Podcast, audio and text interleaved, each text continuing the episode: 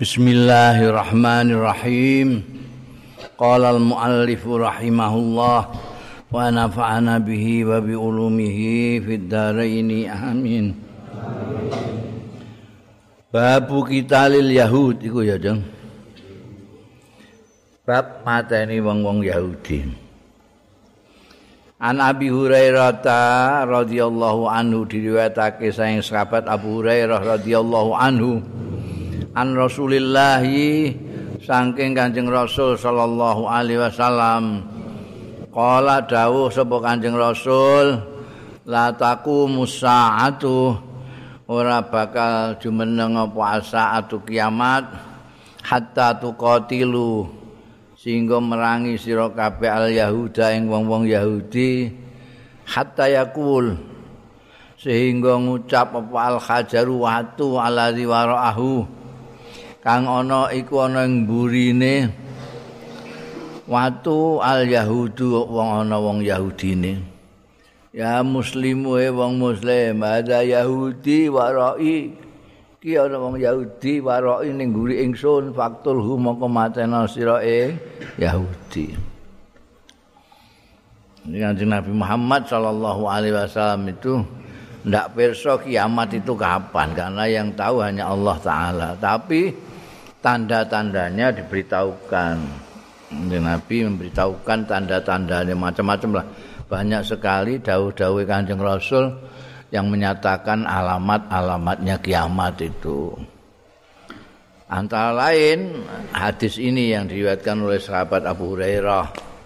Kanjeng Nabi memberitahukan salah satu alamatnya itu. Nanti itu guring-guring nek wis marek-marek kiamat itu wong Yahudi diburu sama orang karena yang mayoritas itu orang-orang yang tidak Yahudi, yang Yahudi itu tetap jahat sehingga semua orang buru orang-orang Yahudi. Terutama orang-orang yang muslim ya buru ngantek dintai nanti itu akan ada masa di mana orang Yahudi habis sama sekali. Mereka ngantek di barat no Mbak Kanjeng Rasul sallallahu alaihi wasallam. Ndik ini ngamping nih gini waktu, waktu nih ngandani. Yo, yo nih guri ku yo. Orang Yahudi, nih mbak tekak. Ada nih Ya Muslim, ada Yahudi, waroi nih guri ku yo. Dadi entek engko itu. Ora adrenge ana Nabi Musa ana apa jenenge Dajjal barang kuwi. Eh, eh babu kita li Turk. Bab merangi wong Turki, wong Turki. An Amr bin Sa'lab taglib ah ya. Oh, taglib kok salah? Iku piye titike kok ning kono? Mbak An Amr bin Taglib. Kala ngendika Amr bin Taglib kala Nabi dawuh sapa Kanjeng Nabi sallallahu alaihi wasallam Inna min asratis saati. Lan iku termasuk ngalamat-ngalamate kiamat. Iku antuqatilu.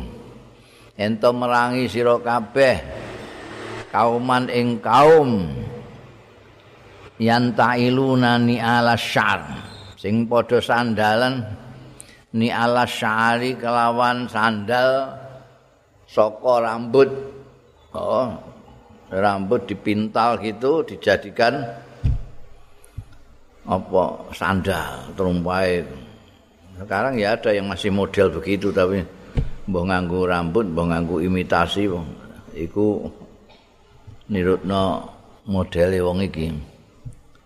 Wa inna min asratis saati lan iku setengah saking syarat-syarate alamat-alamate kiamat iku antu qatilu yen to merangi sira kauman ing kaum.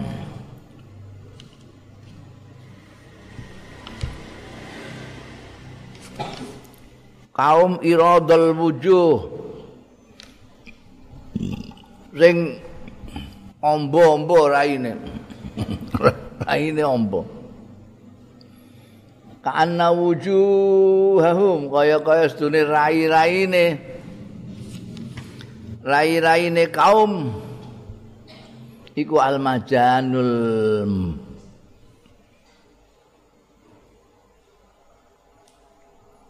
majan itu tameng saka kulit ana sing maca al mutraqah ada yang al mutarraqah al mutarraqah itu sing ditumpuk-tumpuk. Jadi biyen perang itu nganggo pedang terus nganggo majan itu apa? Tameng. Tameng ini ono sing terbuat dari eh, apa jenis tembaga apa besi ono mabut itu. ada yang dari logam. Tapi ada yang dari kulit. Kulit ditumpuk-tumpuk sampai tebal gitu pedang ora iso nembel ditatai karo iku mbendal. Mergo saking tebalnya kulit nah iki gambarno raine wong iku. Engko iku bakale ana peperangan antarane sekalian semua dengan kaum yang sandaleku kok rambut wong raine wombu tebel heeh aine ombo tebel kaya tameng kok kulit sing berlipat sing kumandur cerekok. Terus iku ditafsiri wong Turki, wong Turki iku. Ana sing maknani luwih rada memper timbangane Turki ku ya ngono raine ya ya ombo ya tebel tapi ora kaya wong wong Mongol. Wong Mongol lebih pas itu. Dan itu pernah perang dan menghabisi orang-orang muslim banyak sekali itu. Tartar itu loh. Tartar, Jenghis Khan, uh, Hulaku Khan yang menghancurkan Irak itu biyen Hulaku Khan. Iku pating pecotot raine. Irunge wedi mongol tapi pesek. Mripate hampir enggak kelihatan sipit. orang Mongol. Biar menghancurkan khilafah-khilafah Islam itu mereka itu. Wah itu apa jenenge nek perang orang nganggo aturan. Pokoknya lanang wedok cilik pateni kabeh. Maksudnya supaya tidak ada keturunan manusia lain kecuali mereka. Deni wong jinggiskan terus hulakukan itu orang orang Mongol terus disebut barbar itu barbar. Makanya kalau ada orang yang tindakannya ngawur disebut barbar. Barbarin. Iku iku luwih pas sampean apa pencitraan anjing rasul ini yaitu mukanya lebar dan kayak tamek kulit itu tebel raine. Hmm. tapi akeh juga yang maknani ini Turki orang Turki eh, Turki sing saiki kan wis ora ngono nek hmm. sing isih keturunane Mongol barang itu ya pancen ya ya kayak orang-orang apa Mongol itu tameng sing saka kulit itu kan enggak rata gitu. Ya ada orang yang mukanya tidak rata, tebal sekali. Dan itu panggonane ning daerah dingin. Wong sing wajar-wajar ngene raine ning gak kuat niku. Ning daerah iki Tibet barang ngono kuwi.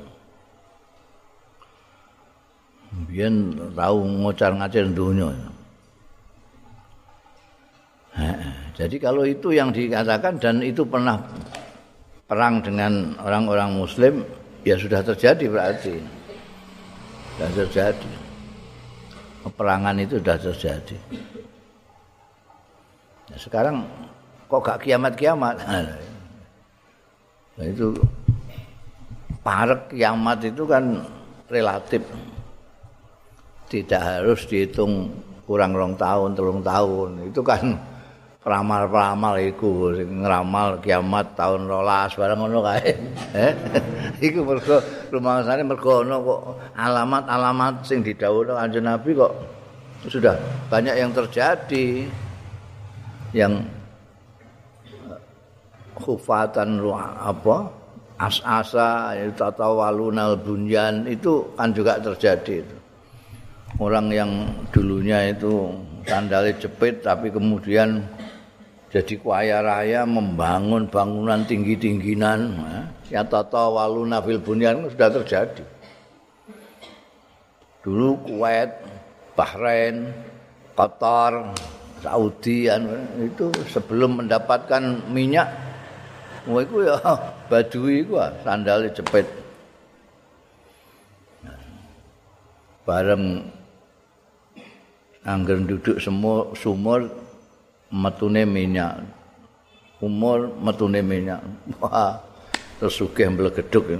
Terus saiki dhuwur-dhuwuran. Abu Dhabi bikin menara yang tingginya sekian meter kotor gawe juga Saudi gawe juga nyata tawalu nafis bunyan wis terjadi itu mendekati ya. Mendekatinya itu masih berapa abad atau berapa tahun? Ora kok berapa hari. Bunda babu sam'i wa ta'ati lil imam. Bab asam wa ta'ah. Sam'u itu mendengarkan wa ta'at lan ta'at lil imami marang pemimpin. Imam itu pemimpin bisa diartikan penguasa, bisa diartikan pemerintah. Karena pemerintah itu bisa diartikan kepala negara, bisa dikatakan presiden, bisa dikatakan imam. Ya.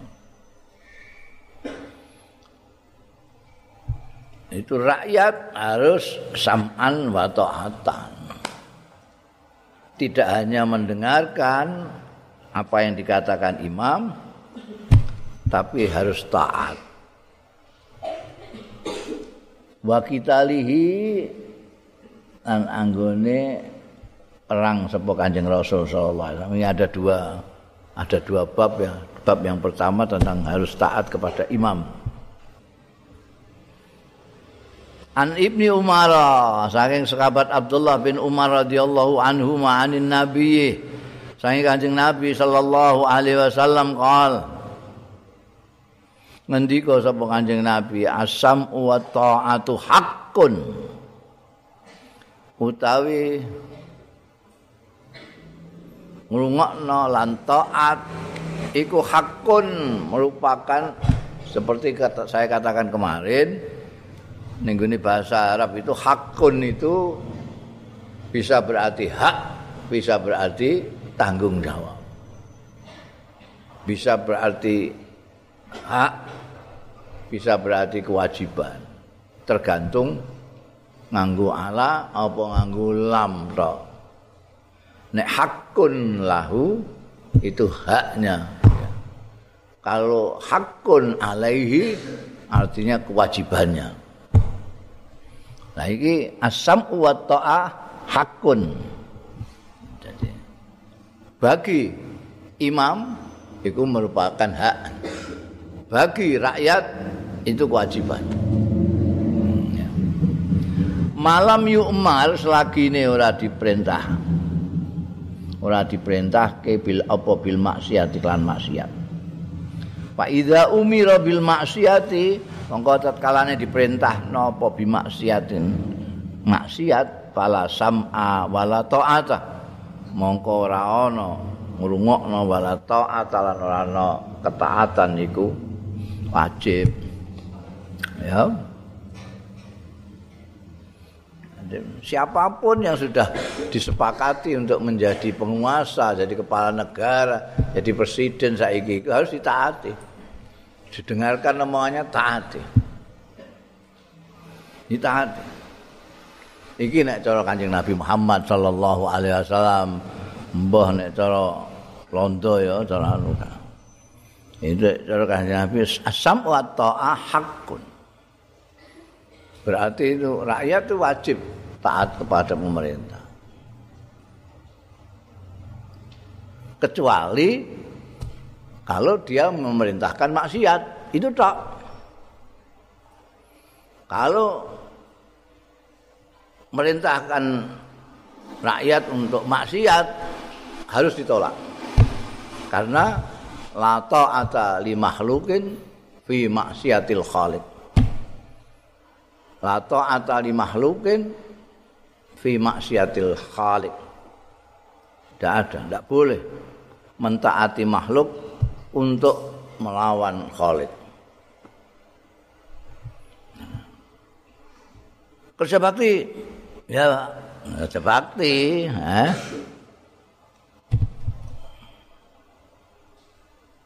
Asang gendero asang. Labur pakir, labur. Tekek dulurmu kau kau. Ah, ndah, ndah nah itu. Apa saja yang diperintahkan dengarkan dan ditaati selaginya tidak menyuruh maksiat. Tuh ya. Jadi terutama untuk oposan-oposan itu harus ngerti itu. Nah ini muslim ya. Nek muslim rasa dikandani ora ngerti. Sing oposan-oposan sing muslim kudu ngerti. Ku asam wa ta'ah iku hakun ini kan oh, kadang-kadang kan oposan-oposan iku niru barat pokoknya segala macam sing dilakoni mbek pemerintah ya kudu diserang. Diserang. Serange mbah ngawur mbah ora pokoke nyerang. Itu. Nah, anu gak. Cara Kanjeng Nabi gak. Kita harus mendengarkan sam'an wa ta'atan selakinya tidak diperintahkan maksiat.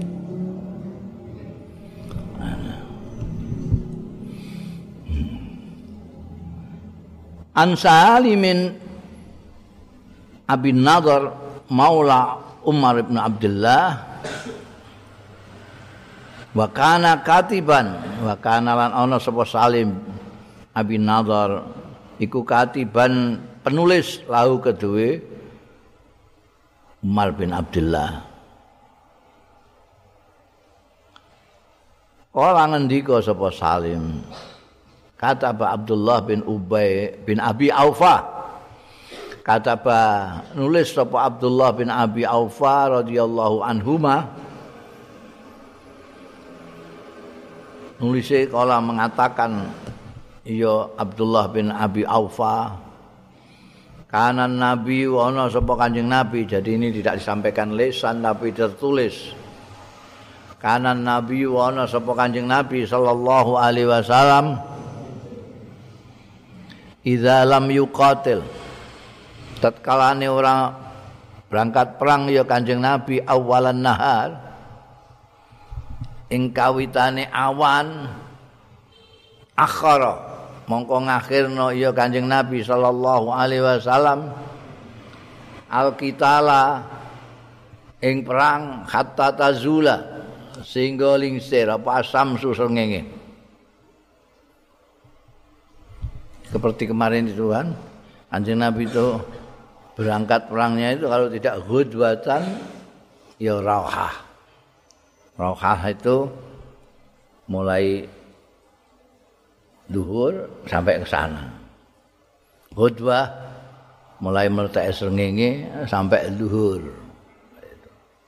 Itu, belum terlalu panas jadi tidak di tengah-tengahnya zuhur ndak tapi sebelum zuhur sampai ke zuhur. Atau sesudah zuhur sampai maghrib. Roha.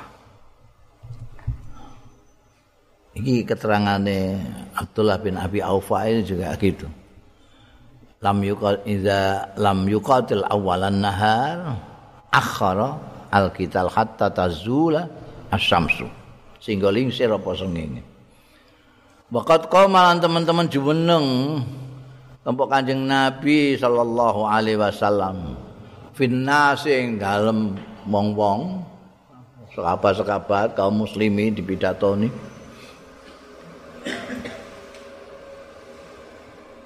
khotiban hale midatoni. Kanjeng Nabi jumeneng pidatoni wong-wong iku. Faqala mongko dawuh ya Kanjeng Nabi sallallahu alaihi wasallam dalam pidatonya itu ayuhan nas. Jadi kalau mau berangkat perang apakah itu pagi hari atau sore hari? Kalau tidak pagi ya sore. Lalu Kanjeng Nabi itu pidato pada mereka ini pasukannya. Ayuhan nas. Eh wong-wong. La tatamannau. Aja ngarep-ngarep sira kabeh. Liko al adu ing metuki musuh, ketemu musuh.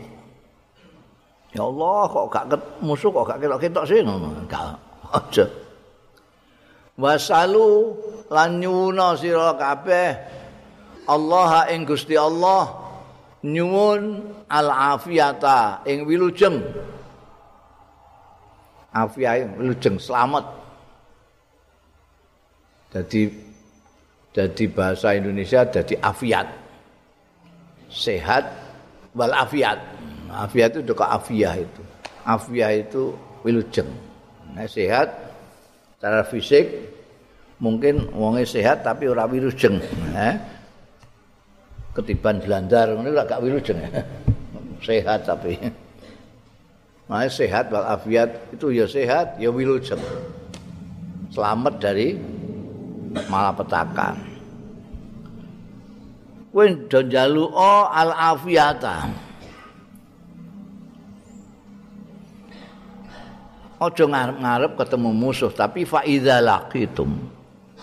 Tatkalane wa idza laqaitumuhum, tatkalane ketemu sira kabeh ing adu musuh.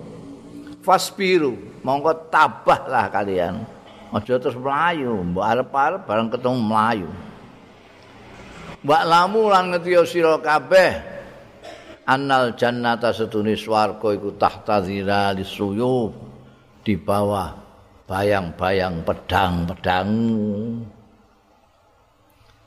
Eh sing nyebabno kowe ning gone swarga ya iku pedang-pedangmu berani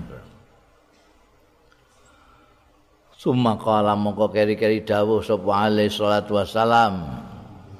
Allahumma duh Gusti Allah munzilal kitab ingkang nurunaken kitab mujriyas sahab mujriyas sahab ingkang nglakokaken mega-mega mendung.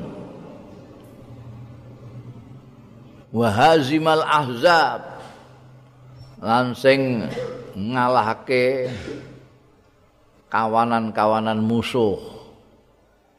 Eh zimhum mugi ngalahaken nundukaken mlayokaken panjenengan ing ahzab wasturna lan mugi menangaken nulungi panjenengan ing kita alaihim ing atase ahzab utawa musuh-musuh itu tradisi ini kanjeng Rasul Shallallahu Alaihi Wasallam. Apakah berangkat perang itu pagi ataupun sore, selalu kanjeng Nabi itu pidato dulu memberikan semangat kepada pasukannya, kemudian berdoa, baru berangkat. Ini seperti yang diriwayatkan ini yang ditulis oleh Abdullah bin Abi Aufa. Itu kanjeng Nabi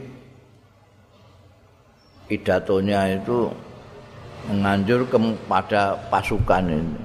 Jangan kalian itu mengharapkan ketemu musuh. Tapi kalau ketemu musuh, kamu harus hadapi dengan tabah. Ya. Minta kepada Allah Subhanahu wa taala supaya selamat. Tidak apa jenenge kena panah apa kena pedang, selamat wilujeng. Jangan terus ketemu musuh terbelayu. tidak mengharap, tapi kalau ketemu harus dihadapi dengan tabah. Karena surga itu di depan di pedangmu itu itu jalan menuju surga. Kanjeng Nabi bar pidato memberi semangat kepada pasukannya terus ndonga. Dungane juga dahsyat Allahumma munzilal kitab wa mujriyas sahab wa hazimal ahzab ihzimhu wansurna alaihim. Ya. Dahsyat dungane tapi aja mbok engko donga kampanye pilkada. Koplo ngono iku. Niki lamun zilal kitab yang menurunkan kitab mujriyas sahab yang menjalankan mega-mega yang mengalahkan azab itu sebetulnya Allah Ta'ala ya, melalui pasukan-pasukan Islam ini. Ini menunjukkan ajaran kanjeng Nabi Muhammad Sallallahu Alaihi Wasallam. Jadi kita tidak hanya berjuang secara fisik menggunakan tenaga pikiran kita tapi juga jangan meninggalkan doa kepada Allah Subhanahu wa taala. Kita berusaha untuk selamat di dalam berjuang tapi juga mendoa kepada Allah Subhanahu wa taala supaya diberi selamat. Nah ya, itu selalu harus bareng-bareng antara ikhtiar dan memohon kepada Allah Taala jangan pernah salah satu tok sing mbok engko. Sudah berkali-kali saya katakan jadi orang itu harus dua-dua. Kowe harus apa ae pokoknya ini dua. Berusaha dan memohon kepada Allah Subhanahu wa taala. Tangkep ndonga tok ora iso. usaha tok belum tentu berhasil. Ya, dua-duanya. An Abi Hurairah ta, sayang sahabat Abi Hurairah radhiyallahu anhu kala ngendika sapa sahabat Abu Hurairah? Kala Rasulullah dawuh sapa Kanjeng Rasul sallallahu alaihi wa alihi wasallam Laula an asyqa ala ummati kok amuna ora memberatkan sapa ingsun? Mayahno sapa ingsun ala ummati ing atase umat ingsun mata halaftu mongko ora bakal ngeri mata halaftu ora bakal ngeri sapa ingsun ansariyatin. Saking sariyah. Sariyah itu eh, pasukan perang. Biasanya ter, terdiri tidak terlalu banyak antara 400 500-an gitulah dan biasanya tidak dipimpin oleh Kanjeng Rasul sallallahu alaihi wasallam. Yang biasa dipimpin Kanjeng Nabi sendiri biasa disebut ghazwa. Kalau syariah Kanjeng Nabi tidak ikut. Maka Kanjeng Nabi dawuh mata khalaf tu ansariyatin walakin la ajidu hamulatan. Angin tapi ora nemu sapa ingsun hamulatan ing tumpaan karena sekali lagi perang zaman dulu itu ongkos sendiri. Saiki kan pemerintah kabeh biayai. Dulu ya ongkos dhewe. Mulane al jihad bi ampusikum wa ambalikum sekaligus. Lah ndak nemu hamulatan wala ajidu. Lan ora nemu sapa ingsun maing barang. Uhmiluhum ahmiluhum sing uhmiluhum sing numpakno sapa ingsun ing wong-wong alaihi ing atase ma wa yusyakku alayya lan den beratake dipayahake alaihi ing atase ingsun apa? Ayat khalafu yen to keri ora melok sapa wong-wong ngeri ani saking ingsun. Kok umpama ora ngono? Aku berangkat gak gelem aku. Walawaditu lan yekti kepengin sapa ingsun. Ani setuhune ingsun. Kotal tu. Perang sapa ingsun fi sabilillah. Ing dalem dalane agamane Gusti Allah. Fakutil tu. Mongko terbunuh sapa ingsun summa akhitu mongko keri-keri diuripno sapa ingsun. Summa kutil tu mongko dipateni sapa ingsun terbunuh sapa ingsun. Summa uhyitu mongko keri-keri diuripno neh sapa ingsun. Summa kutil tu mongko keri-keri dipateni sapa ingsun. Summa uhyitu mongko keri-keri diuripi. Oh Kanjeng Nabi bukan hanya menunjukkan semangatnya untuk berjuang li'ila'i kalimatillahi al-ulya tapi memberi semangat juga kepada sahabat-sahabatnya ini. Dan Nabi Dawud, kenapa kok ada syariah di mana hanya beberapa ratus orang yang dikirim tanpa disertai kanjeng Nabi. Kanjeng Nabi alasannya laula an asuk kok ala umat. Ini selalu kanjeng Nabi selalu mempertimbangkan umatnya Beliau kuat, tapi umatnya apa kuat? Itu selalu dipertimbangkan oleh kanjeng Nabi. Tidak kok karena saya kuat, maka kamu harus kuat.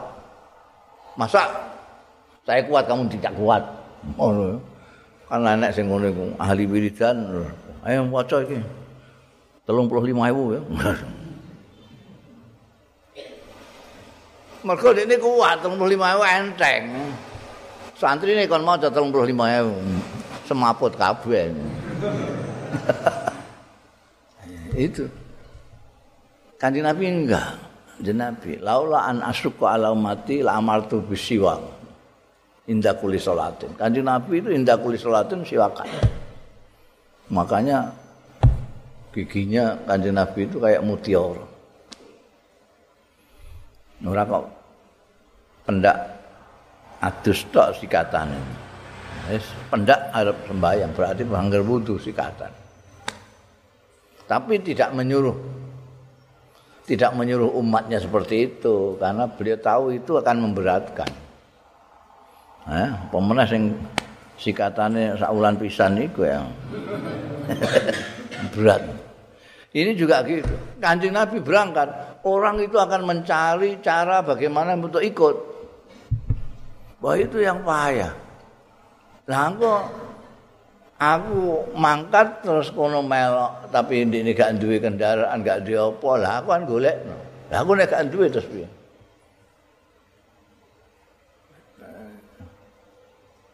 Mulane terus ada syariah itu.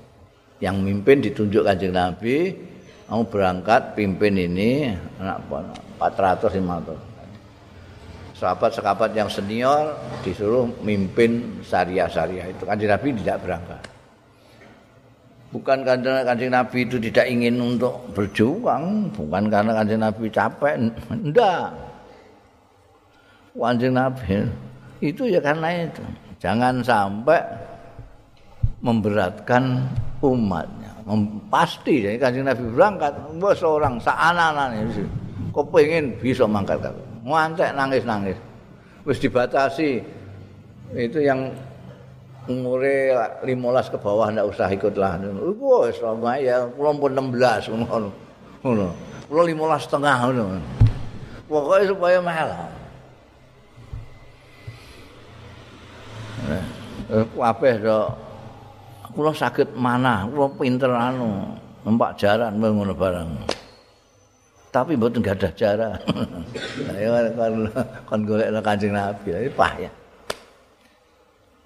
Seandainya tidak seperti itu, tidak ingin memberatkan kalian, saya akan lawadit tu anni kotal tu bisa bilang.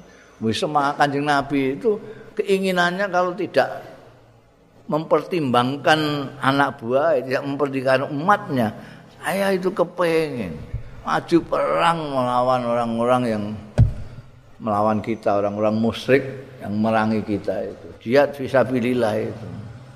Terus terbunuh, aku dihidupkan lagi, akan perang lagi, terbunuh, mati lagi, hidup lagi, mati. Pokoknya aku kok gugur dalam peperangan, saya ingin hidup lagi supaya bisa berjuang lagi. Terbunuh lagi. Saya ingin dihidupkan lagi untuk bisa berjuang lagi. Terus sangking apa jenenge himai Kanjeng Rasul sallallahu alaihi wasallam untuk menegakkan agama Gusti Allah taala.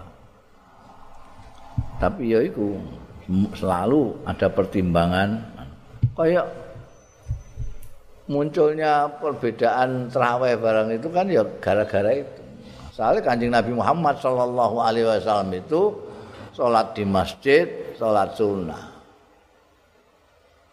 tambah suwe kabeh do mel do melo do makmum kanjeng Nabi terus leren. Kayak sebelah sebelah rakaat leren. Ya kuwatir kon itu diwajib no kanjeng Nabi karena kanjeng Nabi tidak tidak mempunyai kebijaksanaan sendiri semuanya in huwa illa wahyun yuha Ini khawatirnya kok diwajibno sake umatku. Aku ngono kuat-kuat ae. Umatku gak sake. Itu selalu menjadi pertimbangannya Kanjeng Rasul sallallahu alaihi wasallam. Nanti terus leren. Leren didudukno ning dalem. Nah, yang nutupno ning dalem iki sing roh ya wong dalem. yang di luar dalam tidak ngerti gitu. Nanti makanya ada terus perbedaan yang ngabarkan sekian rekaat itu siapa, yang ngabarkan sekian rekaat siapa.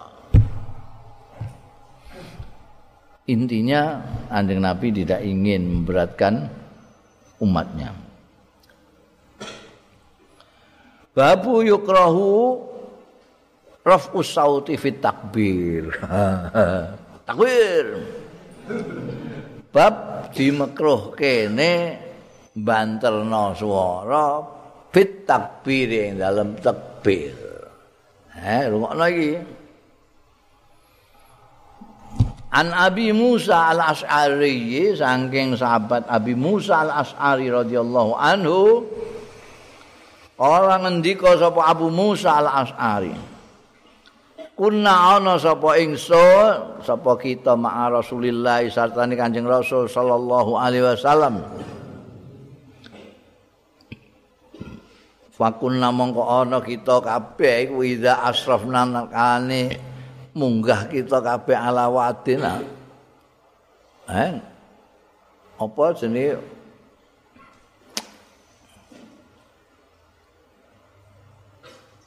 Jadi Kowe mlaku rene terus kemudian ning kene ana lembah yang banget itu sampai begini. Sudah ham, menghampiri lah, menghampiri apa cara Jawa ini? Hmm? Ngarki, asrafna marki kita ala wadin ing atase lembah. Aja wanani jurang meskipun jurang itu juga wadin ya. Tapi engko mbok bayangno jurang sing kene ning kene jurang kan ora dilalui orang kan. Wong kecemplung jurang ya maek. Nah ning kene kan ning kono ora ana jurang ngono itu. Ana lembah. Lembah ini ada yang dalam ada yang tidak dalam. Badar itu juga lembah ya. banyak kalau lembah itu Jadi lembah itu jurang tapi datar, tidak begitu dalam. Nah, orang kalau jalan kan kadang-kadang lewat itu, kadang naik lagi lewat gitu. Idza asrafna ala wadin halalna. Kita baca tahlil. La ilaha illallah. Wa kabbarna. Kan maksudnya takbir. La ilaha illallah. Wallahu akbar. Akbar. Oh, irtafaat banter apa aswatuna suara-suara kita oh, semangat kan ambek jalan kan semangat la ilaha illallah wallahu akbar Faqala Nabi mongko dawuh sapa Kanjeng Nabi sallallahu alaihi wasallam ya ayyuhan nas wong-wong. Albi ala ampusikum eh melasahna sira kabeh ala ampusiku mengatasi awak-awak dhewe kabeh. Aja banter-banter eh. Fa innakum mongko stune sira kabeh kulatat una ora undang-undang sira kabeh asama ing wong budak bala ghaiban lan ora wong sing ora ana sing gaib ada. Innahu setuhune sing mbok undang-undang iku ma'akum sartane sira kabeh innahu setuhune sing mbok undang-undang iku. Allahu akbar Gusti Allah maksudmu kan La ilaha illallah. Gusti Allah ta iku sing maklumno iku sami ungkari zat kang maha midanget qaribun maha parek. Tabaraka suci ismu asmane Allah wa ta'ala al maha luhur apa jaduhu derajate martabat. Allah taala. Rujuke ning Gusti Allah kabeh iku sing Nah, ini Kanjeng Nabi Muhammad sallallahu alaihi wasallam itu memang pendidik yang betul-betul mendidik umatnya dan umat itu diberitahu dengan cara menunjukkan kebenaran-kebenaran yang mereka sendiri lihat gitu, yang mereka sendiri mengetahui. Kowe kok ngembor-ngembor Allahu Akbar Allahu Akbar. La ilaha illallah Allahu Akbar. Banter ngono iku sapa sing kok sing mbok undang-undang sapa? Sing mbok zikiri ku sapa? Kowe zikir iku kanggo sapa? Iki kanggo Gusti Allah. Gusti Allah budek lah mboten. Lha kok banter ngono? Apa absen? Gak ketok ta ada di sini dekat sekali dengar sekali. Ya kok buat sering ngono lah apa kowe? Jadi kowe nek zikir muni Allahu Akbar takbir banter-banteran iku wis fungsine wis ilang. Fungsi zikir juga hilang fungsi muji Gusti Allah ya gak ono. Fungsinya apa? Ya nggo nyemangati ngono ae. Takbir! Oh kowe nyemangati kowe mereka terus fungsi lali maknane itu. Takbir itu maknane nyebut Allah Taala. Yang maha besar Allahu Akbar. Kowe muni Allahu Akbar Gusti Allah midang. Parek banget kok. Iki wis banter nganggo speaker sisan. Eh nganggo speaker.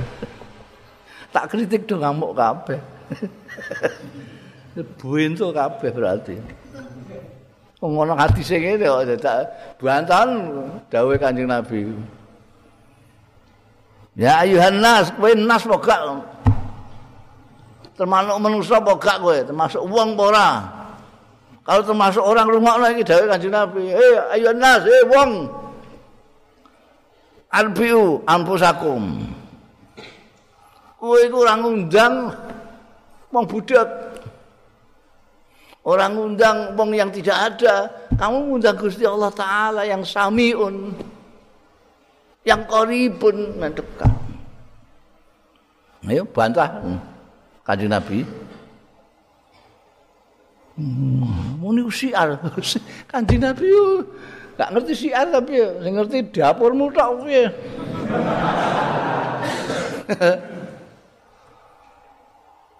ini wis ora iso ora bisa dibenarkan ndak bisa dibenarkan kalau sudah melawan dawuh Kanjeng Nabi ndak bisa dibenarkan ngotot kowe tambah ketok bodohmu no. Terus akhirnya nek wis dadi kaprah. Ini masalah ya. Nek wis dadi kaprah. Terus ora dianggap salah. Mulane terus ana istilah salah kaprah. Kenapa salah kaprah? Biar zaman sahabat tidak ada salah kaprah. Sing zaman sahabat itu ada yang namanya ijma sukuti. Apa artinya ijma sukuti itu? Kalau semua orang diam atas perilaku orang, maka perilaku itu dianggap nggak apa-apa. Karena tidak ada satupun perilaku orang yang salah yang tidak diingatkan oleh orang lain pada zaman itu. Karena ada ijma sukuti, saiki gak ana ijma sukuti. Wong salah bener temen kabeh. Malah sing ngelingno malah dianggap dibuli Pak Karno. Eh? Salah kaprah.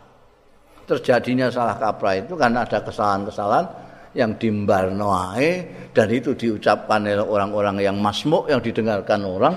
Orang yang mendengar itu saking bodoh nih pokoknya itu sing ngomong ustadz itu tak lakonane. Terus akhirnya menyebar menjadi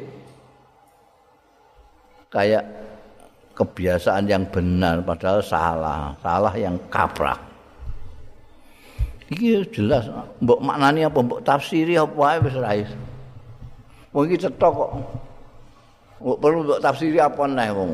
Wong ora isyarat, ora kinaya, ora majas, ora langsung ya ayun nas albiu ala anfusikum. Ka innakum la taduna asam bala ghaib. Cetok banget.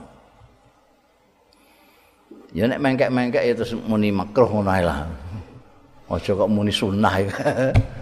Ya pintu nek muni sunah. enggak dilarang ya. Soalnya pemenang saiki? Saiki itu akeh sing do meneng ae. Meneng ae timbangane engko rame-rame ngono. Oh tak kandhani malah aku dicamah ngono. Jadi piye to? Ya meneng ae. Meneng ae to sing goblok terus ngomong sebener.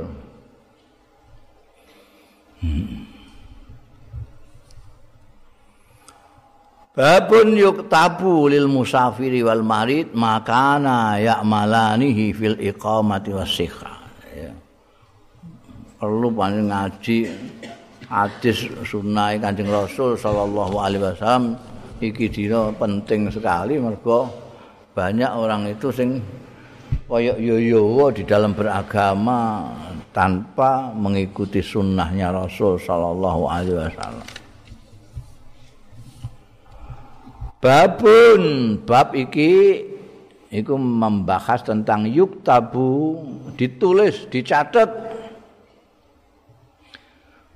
dicatat kanggo sapa? Lil musafiri kedue musafir. Musafir wong sing lelungan ado nek kok kene kok masjid ngono ora disebut musafir. Wah aku musafir ning di ning kene kauman. Wah. Musafir itu jauh. Wal marid lan dicatet kanggo wong sing lara. Apa sing dicatet? Ma barang kana kang ana ya musafir wal marid ana iku yak malani ngamalake ya musafir lan marid ing ma. To ing lakoni fil iqamati ing dalem iqamah artine tidak dalam lelungan. Di rumah lah. Wasihati dalam keadaan sehat. Maknane kue sing biasa ngamal ning gone omah iku omah ning omah kue biasa sembayangmu ora terima sembayang wektu tapi ana sunah qobliyah ba'diyah sak piturute. Kemudian kamu pergi kamu tidak bisa melakukan itu. Itu dianggap dicatat seperti kamu kebiasaanmu di rumah. Kue nih perjalanan kamu nggak sempat untuk melakukan qobliyah ba'diyah tahajud barang itu nggak sempat. Karena kamu dalam musafir itu dicatat kaya nek kue orang musafir nek kaya ikoma demikian pula kalau kamu sakit biasanya kamu kalau tidak sakit kamu itu bayang duka sembahyang kamu maka ketika kamu sakit itu masih dicatat seperti itu. Yo Iku judule Nah iki anu nih Wa anhu lan saking sahabat Abu Musa al-As'ari aidon halimane kala ngendika sapa Abu Musa al-As'ari kala dawuh sapa Rasulullah sallallahu alaihi wa alihi wasallam idza marida al-abdu nalikane lara sapa al-abdu kaula au safara utawa lunga lelungan lunga adoh sapa abdu kutiba mongko dicatet lahu kedue abad apa misluma padane barang.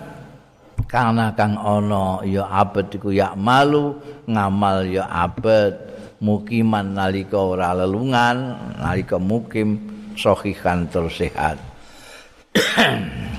Di maknane yaiku mau. Kowe iku nek lara kebiasaanmu nalika sehat tidak bisa kamu lakukan karena kamu sakit.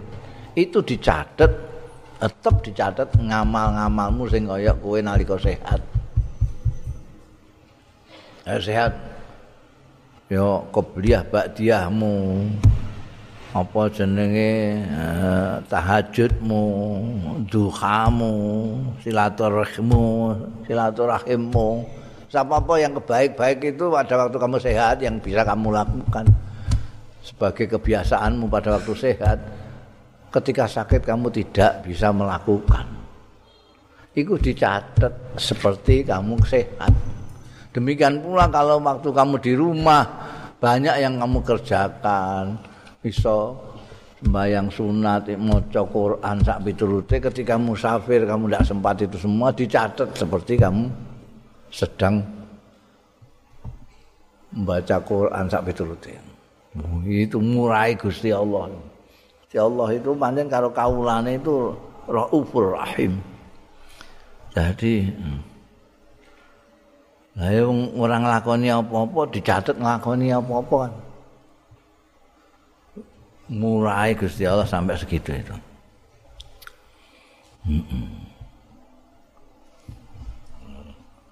Tapi nek iki nek sing biasa ya nek biasane kowe nglakoni makana ya malu. nek kowe ora tau nglakoni ya nglakoni sepisan tok ya aja ngarep-ngarep lunga-lunga lunga-lunga terus lumayan lunga-lunga orang ngamal untuk catatan itu babu karo hati sair wahda. Bab kemekruhane perjalanan kali wahda uswijine jadi gak gape kowe lunga dhewean gak apa ini mah ngejak kanca siji apa jangan tak dhewean haram ora mekruh dalil dalil napa iki an ibni umar diwetake saking sahabat Abdullah bin Umar radhiyallahu anhuma anin nabiyyi saking kanjeng nabi sallallahu alaihi wasallam. Kala dawuh sapa kanjeng nabi sallallahu alaihi wasallam lau ya'lamun nas kok lamun ngerti sapa wong-wong fil wahdati ing dalem dhewean weruh maing barang. Aklamu kang weruh sapa ingsun? Masara mongko ora melakukan perjalanan sapa? Rakibun wong sing numpak bilailin ana ing wektu bengi wahdahu kale suwijine rakim dhewean sing dipirsani Kanjeng Nabi mbok apa itu ya? Pokoke ndak baik lah ndak baik. Jadi orang-orang itu tahu mereka tidak akan melakukan itu. Perjalanan kok sendirian malam-malam sisan. Nggo kendaraan nyepeda bengi-bengi sisan. Itu, itu gak elok gak apik. Makruh. Ya makruh.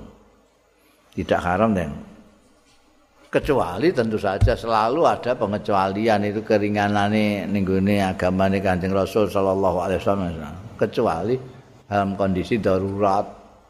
Lah ampun mboten wonten kanca niki buru-buru nih kisah kula. Ning golek dukun eh?